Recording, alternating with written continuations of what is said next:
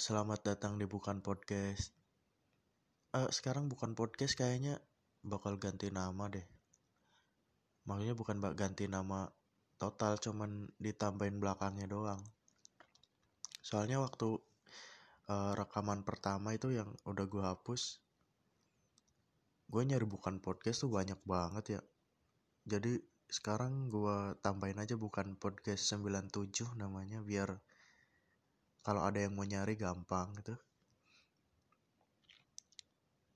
Dan sebenarnya tuh gue udah banyak sih ngerekam yang keresahan-keresahan gue gitu. Tapi banyak banget kendala itu. Pertama suaranya kecil. Gue males ngeditnya. Terus yang kedua uh, materinya tuh udah basi menurut gue itu ya walaupun sebenarnya keresahan itu tidak ada basinya ya. Tapi itu udah kayak nggak relate aja. Dan karena nggak berdampak langsung ke gua jadi materi itu tuh kayak kurang ada soulnya. Asik ngomongin soul. Ya kayak gitu. Jadi mending gue ceritain ini aja ya. Gue menceritakan sebuah kisah yang terjadi pada diri gue gitu. Terus ya nanti di situ tuh kita sisip-sisipkan saja materinya. Ya supaya materinya tetap kepake dan tapi dengan versi yang lain gitu. dan sebagai apa ya karena gue nggak bisa hmm, berbicara di depan umum secara langsung gitu ya jadi gue mending bicara di podcast ini mungkin gue pengecut kali. Jadi buat nanti kalau gue cerita kalau ada pihak-pihak yang tersinggung atau pihak-pihak yang merasa itu memang bukan memang untuk kalian. Memang bukan ditutup-tutupi tapi gue gak bakal sebut nama mungkin. Tepat bulan Februari tahun 2014 mungkin di akhir-akhir ya Gue berangkat sekolah seperti biasa dengan suasana yang sangat-sangat berbeda. Gue masuk kelas, yang biasanya kelas itu rame dan ribut. Mungkin mungkin tadinya ribut waktu gue belum nyampe kelas kan dan ya kedenger dong suaranya dari lorong. Terus tiba-tiba gue masuk dan seketika hening dan mata itu melihat gue tajam semuanya. Apa yang telah terjadi. Dan gue itu pertanyaan besar yang paling ya yang paling besar saat itu apa yang terjadi gitu. Terus gue pun langsung peka dengan perasaan itu loh. Sepertinya ada masalah. Tapi gue diem ya diem diem aja. Mungkin gue nanti nanya ke seseorang. Tapi saat itu tuh gue kayak serasa lu tau gak sih kayak orang asing banget. Jadi gue udah ngerasain gimana rasanya orang minoritas yang tinggal di negara tinggal di negara mayoritas gitu. Eh enggak negara deh di circle yang mayoritas. Jadi kita sebagai minoritas tuh oh gini rasanya gitu. Ya lu bayangin aja lu dicuekin dari pagi sampai lu pulang. Yang tadinya lu main bareng jajan bareng ngobrol ya hehehe itu pada hari itu mereka semua diem. Nggak semua sih. Cuman beberapa orang. Terus gue tanya dong waktu jam istirahat ke orang yang kebetulan biasanya dekat sama gue ada apa? Kok pada diem gue datang? Enggak nggak ada apa-apa. Gitu doang.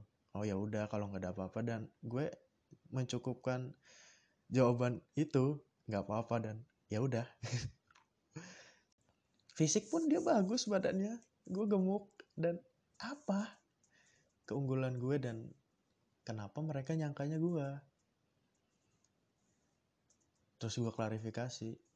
Uh, gue nggak seka gue nggak membela diri banyak sih. Gue cuman gue bilang enggak dan gue kasih hp gue silakan cek sendiri apakah ada nomor dia dan tidak ada nomornya. Sejauh itu dan tidak ada.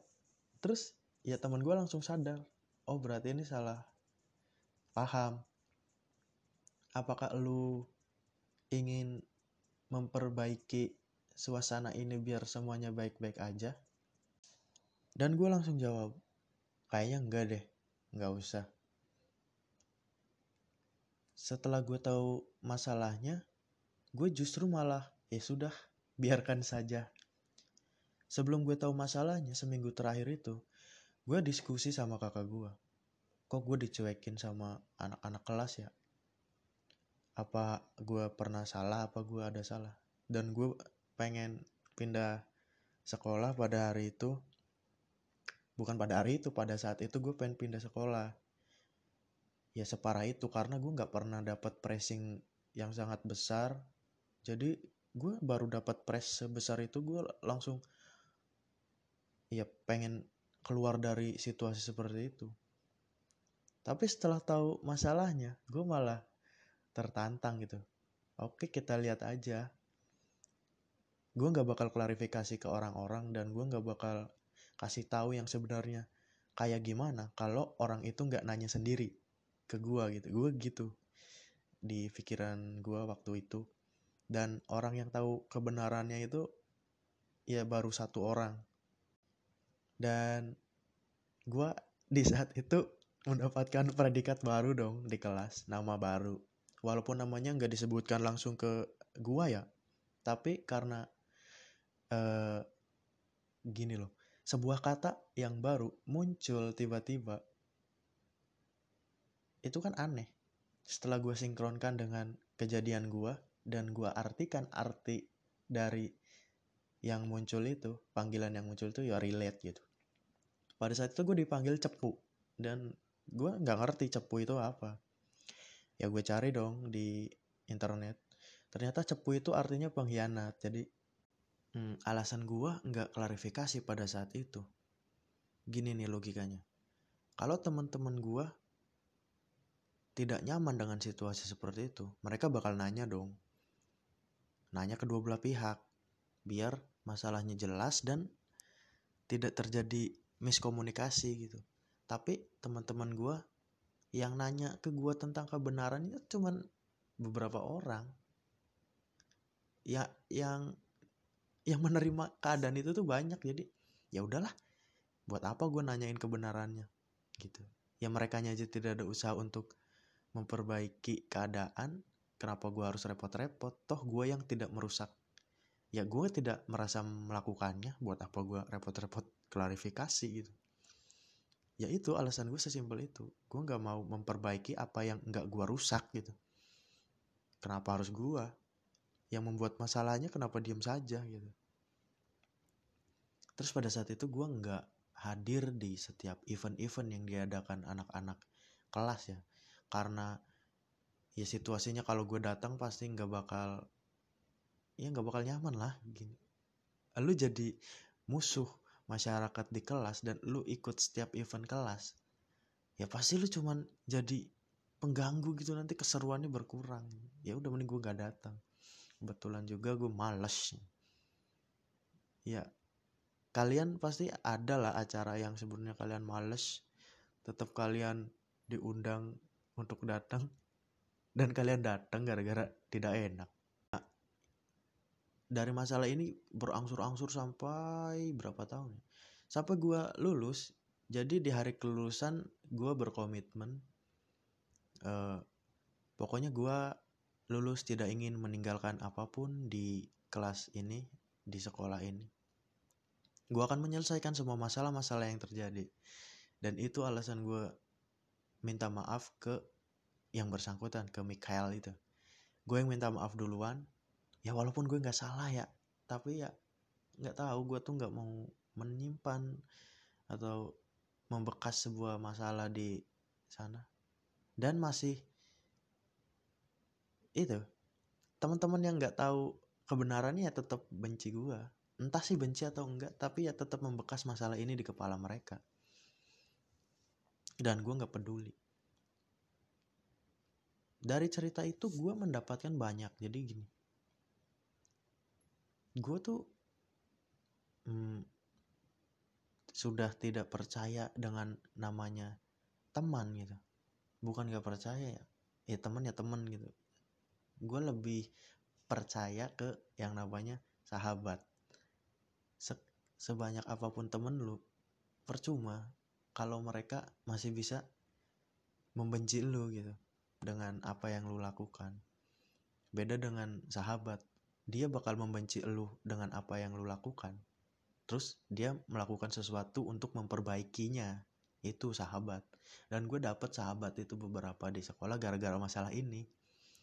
Dan temen yang gue kenal dari SMP yang katanya teman teman teman. Dan mereka cuma diem. Gue kena masalah ini mereka diem. Nggak berusaha untuk membantu gue memulihkan gue. Atau ya berusaha untuk menyelesaikannya? Enggak.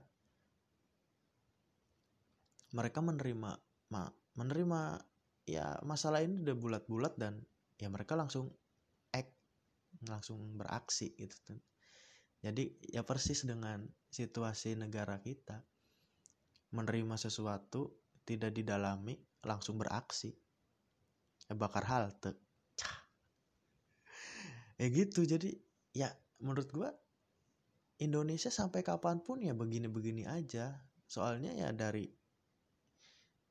remajanya pun sama orang tuanya sama mahasiswanya sama. Menerima apa pun tanpa diklarifikasi tanpa dicari kebenarannya tanpa didalami udah langsung beraksi dong. Langsung ya langsung menentukan keputusan tidak mencari tahu kebenarannya langsung dicap cepu aing aing. Tapi nggak apa-apa. Karena dari masalah ini gue dapatkan banyak ilmu. Hmm, terus beberapa bulan yang lalu gua sama Mikael dan sama teman-teman gua yang lain tuh uh, ada ya call dan bikin game gitu. Kita jujur-jujuran. Dan gue menceritakan dan ada yang nanya dulu lu sama Mikael ada masalah apa sih sampai diem-dieman lama banget? Terus gue ceritain versi gue dan Michael ceritain versinya. Karena ya itu itu yang bagus sih tapi sayangnya terjadi berapa tahun itu? Satu enam tujuh enam tahun setelah masalah itu ada ya tapi nggak ada yang terlambat sih. Ya udah nggak apa-apa. Diceritain aja. Dan kita ceritain berdua. Gua gimana dari dari guanya gimana dan dari dianya gimana. Dan versi Mikael itu bisa dia nuduh gua uh, cepu gini. Pada saat dia ada masalah sama ceweknya dan gue nggak tahu kan satu kelas nggak ada yang tahu itu ada masalah ataupun tidak itu hubungan manusia itu kan. Saya tidak tahu. Tapi katanya waktu dia ribut sama si Jen dia sering ngelihat Jen bercanda sama gua. Katanya itu dari situ. Dan gue kaget dong. Loh kenapa gue cuman gara-gara gue bercanda sama dia? Gue dilihat sebagai cepu. Sedangkan ya mungkin di waktu yang berbeda dia juga bercanda dengan siapa? Dia bercanda dengan siapa? Dianya aja nggak ngeliat gitu kan. Kebetulan lagi bercanda sama gue dan dia ngeliat. Terus kenapa gue dituduh gitu? Ya kan ya di situ. Dia melihatnya di situ melihat poinnya di situ. Dan gue ceritain poin gue dan semuanya jelas di hari itu tapi ya terlambat. Saya sudah berubah menjadi manusia yang baru dengan yang lebih apatis dan tidak peduli. Terus ya itu gue nggak nyalahin Mikael juga setelah dengar cerita dia ya. Ini bukan salah gue bukan salah dia. Bukan salah Jin juga. Ini tuh ya cuman waktunya aja. Emang waktunya kebetulan menangkap gue di situasi yang seperti itu dan pemikiran dia waktu itu sejalan dengan waktunya gue tuh terus setelah itu mikir ini rencana sudah di ini ya masalah ini udah direncanakan oleh Tuhan gue pikir gitu. Karena sebenarnya ya dia bisa aja nggak mikir gue cepu gara-gara gue bercanda sama dia. Tapi kenapa tiba-tiba Tuhan memberikan pemikiran itu kan? Secara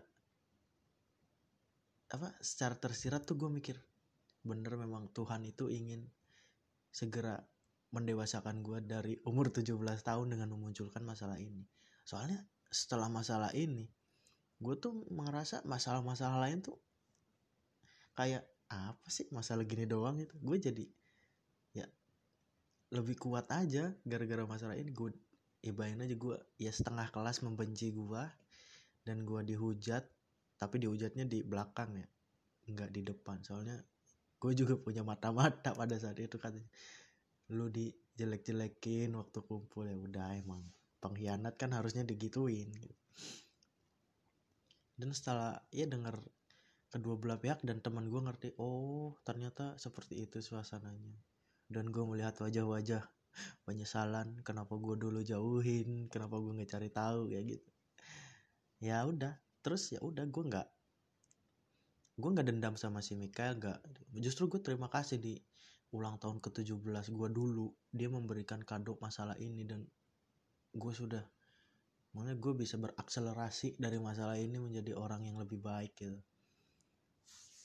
Ya, menurut gue lebih baik sih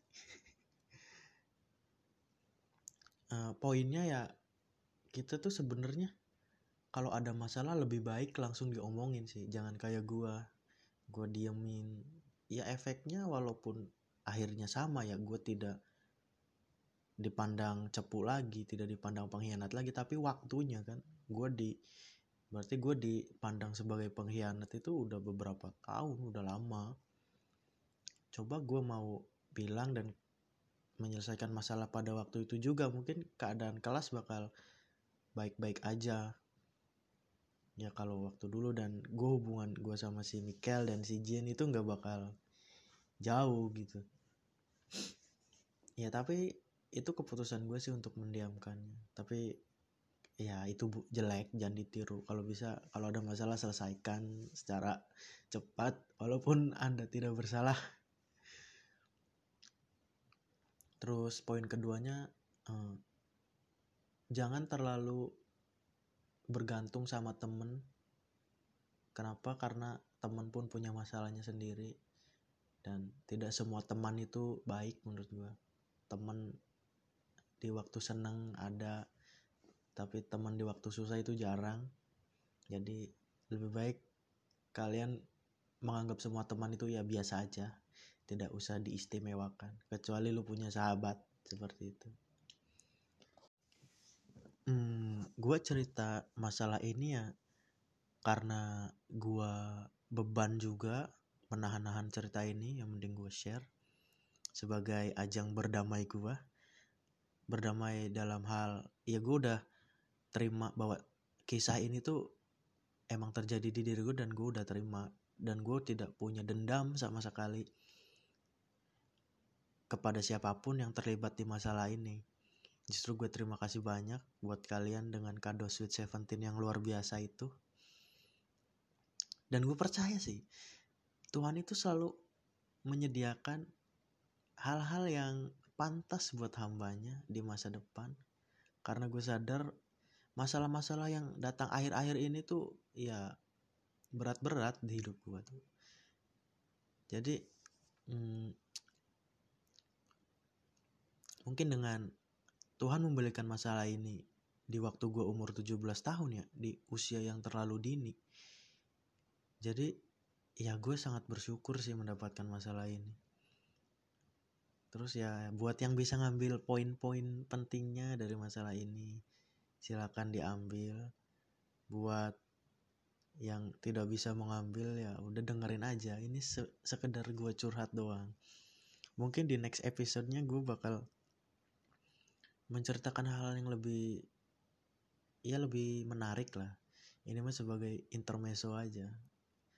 Ini entah bisa dianggap episode 1 atau berapa. Soalnya podcast ini sebenarnya udah beberapa episode dan gue hapus-hapusin karena tidak bagus gue nggak mau punya karya nggak bagus dan ini juga nggak tahu sih bagus apa enggak soalnya gue ya yang penting ada rekamannya lah podcast gue daripada kosong-kosong banget kan uh, ya udah terima kasih yang udah dengar kalian. Luar biasa. Uh, tetap semangat tetap jaga kesehatan. Hemat uangnya soalnya nyari uang susah di masa pandemi kayak gini dan kayaknya bakal masih lama ya di Indonesia. Apalagi ditambah kemarin demo kayaknya makin bertambah. Ya sampai jumpa di lain kesempatan entah gue bikin podcastnya berkapan lagi entah dua bulan lagi atau tiga bulan lagi. Ya sampai jumpa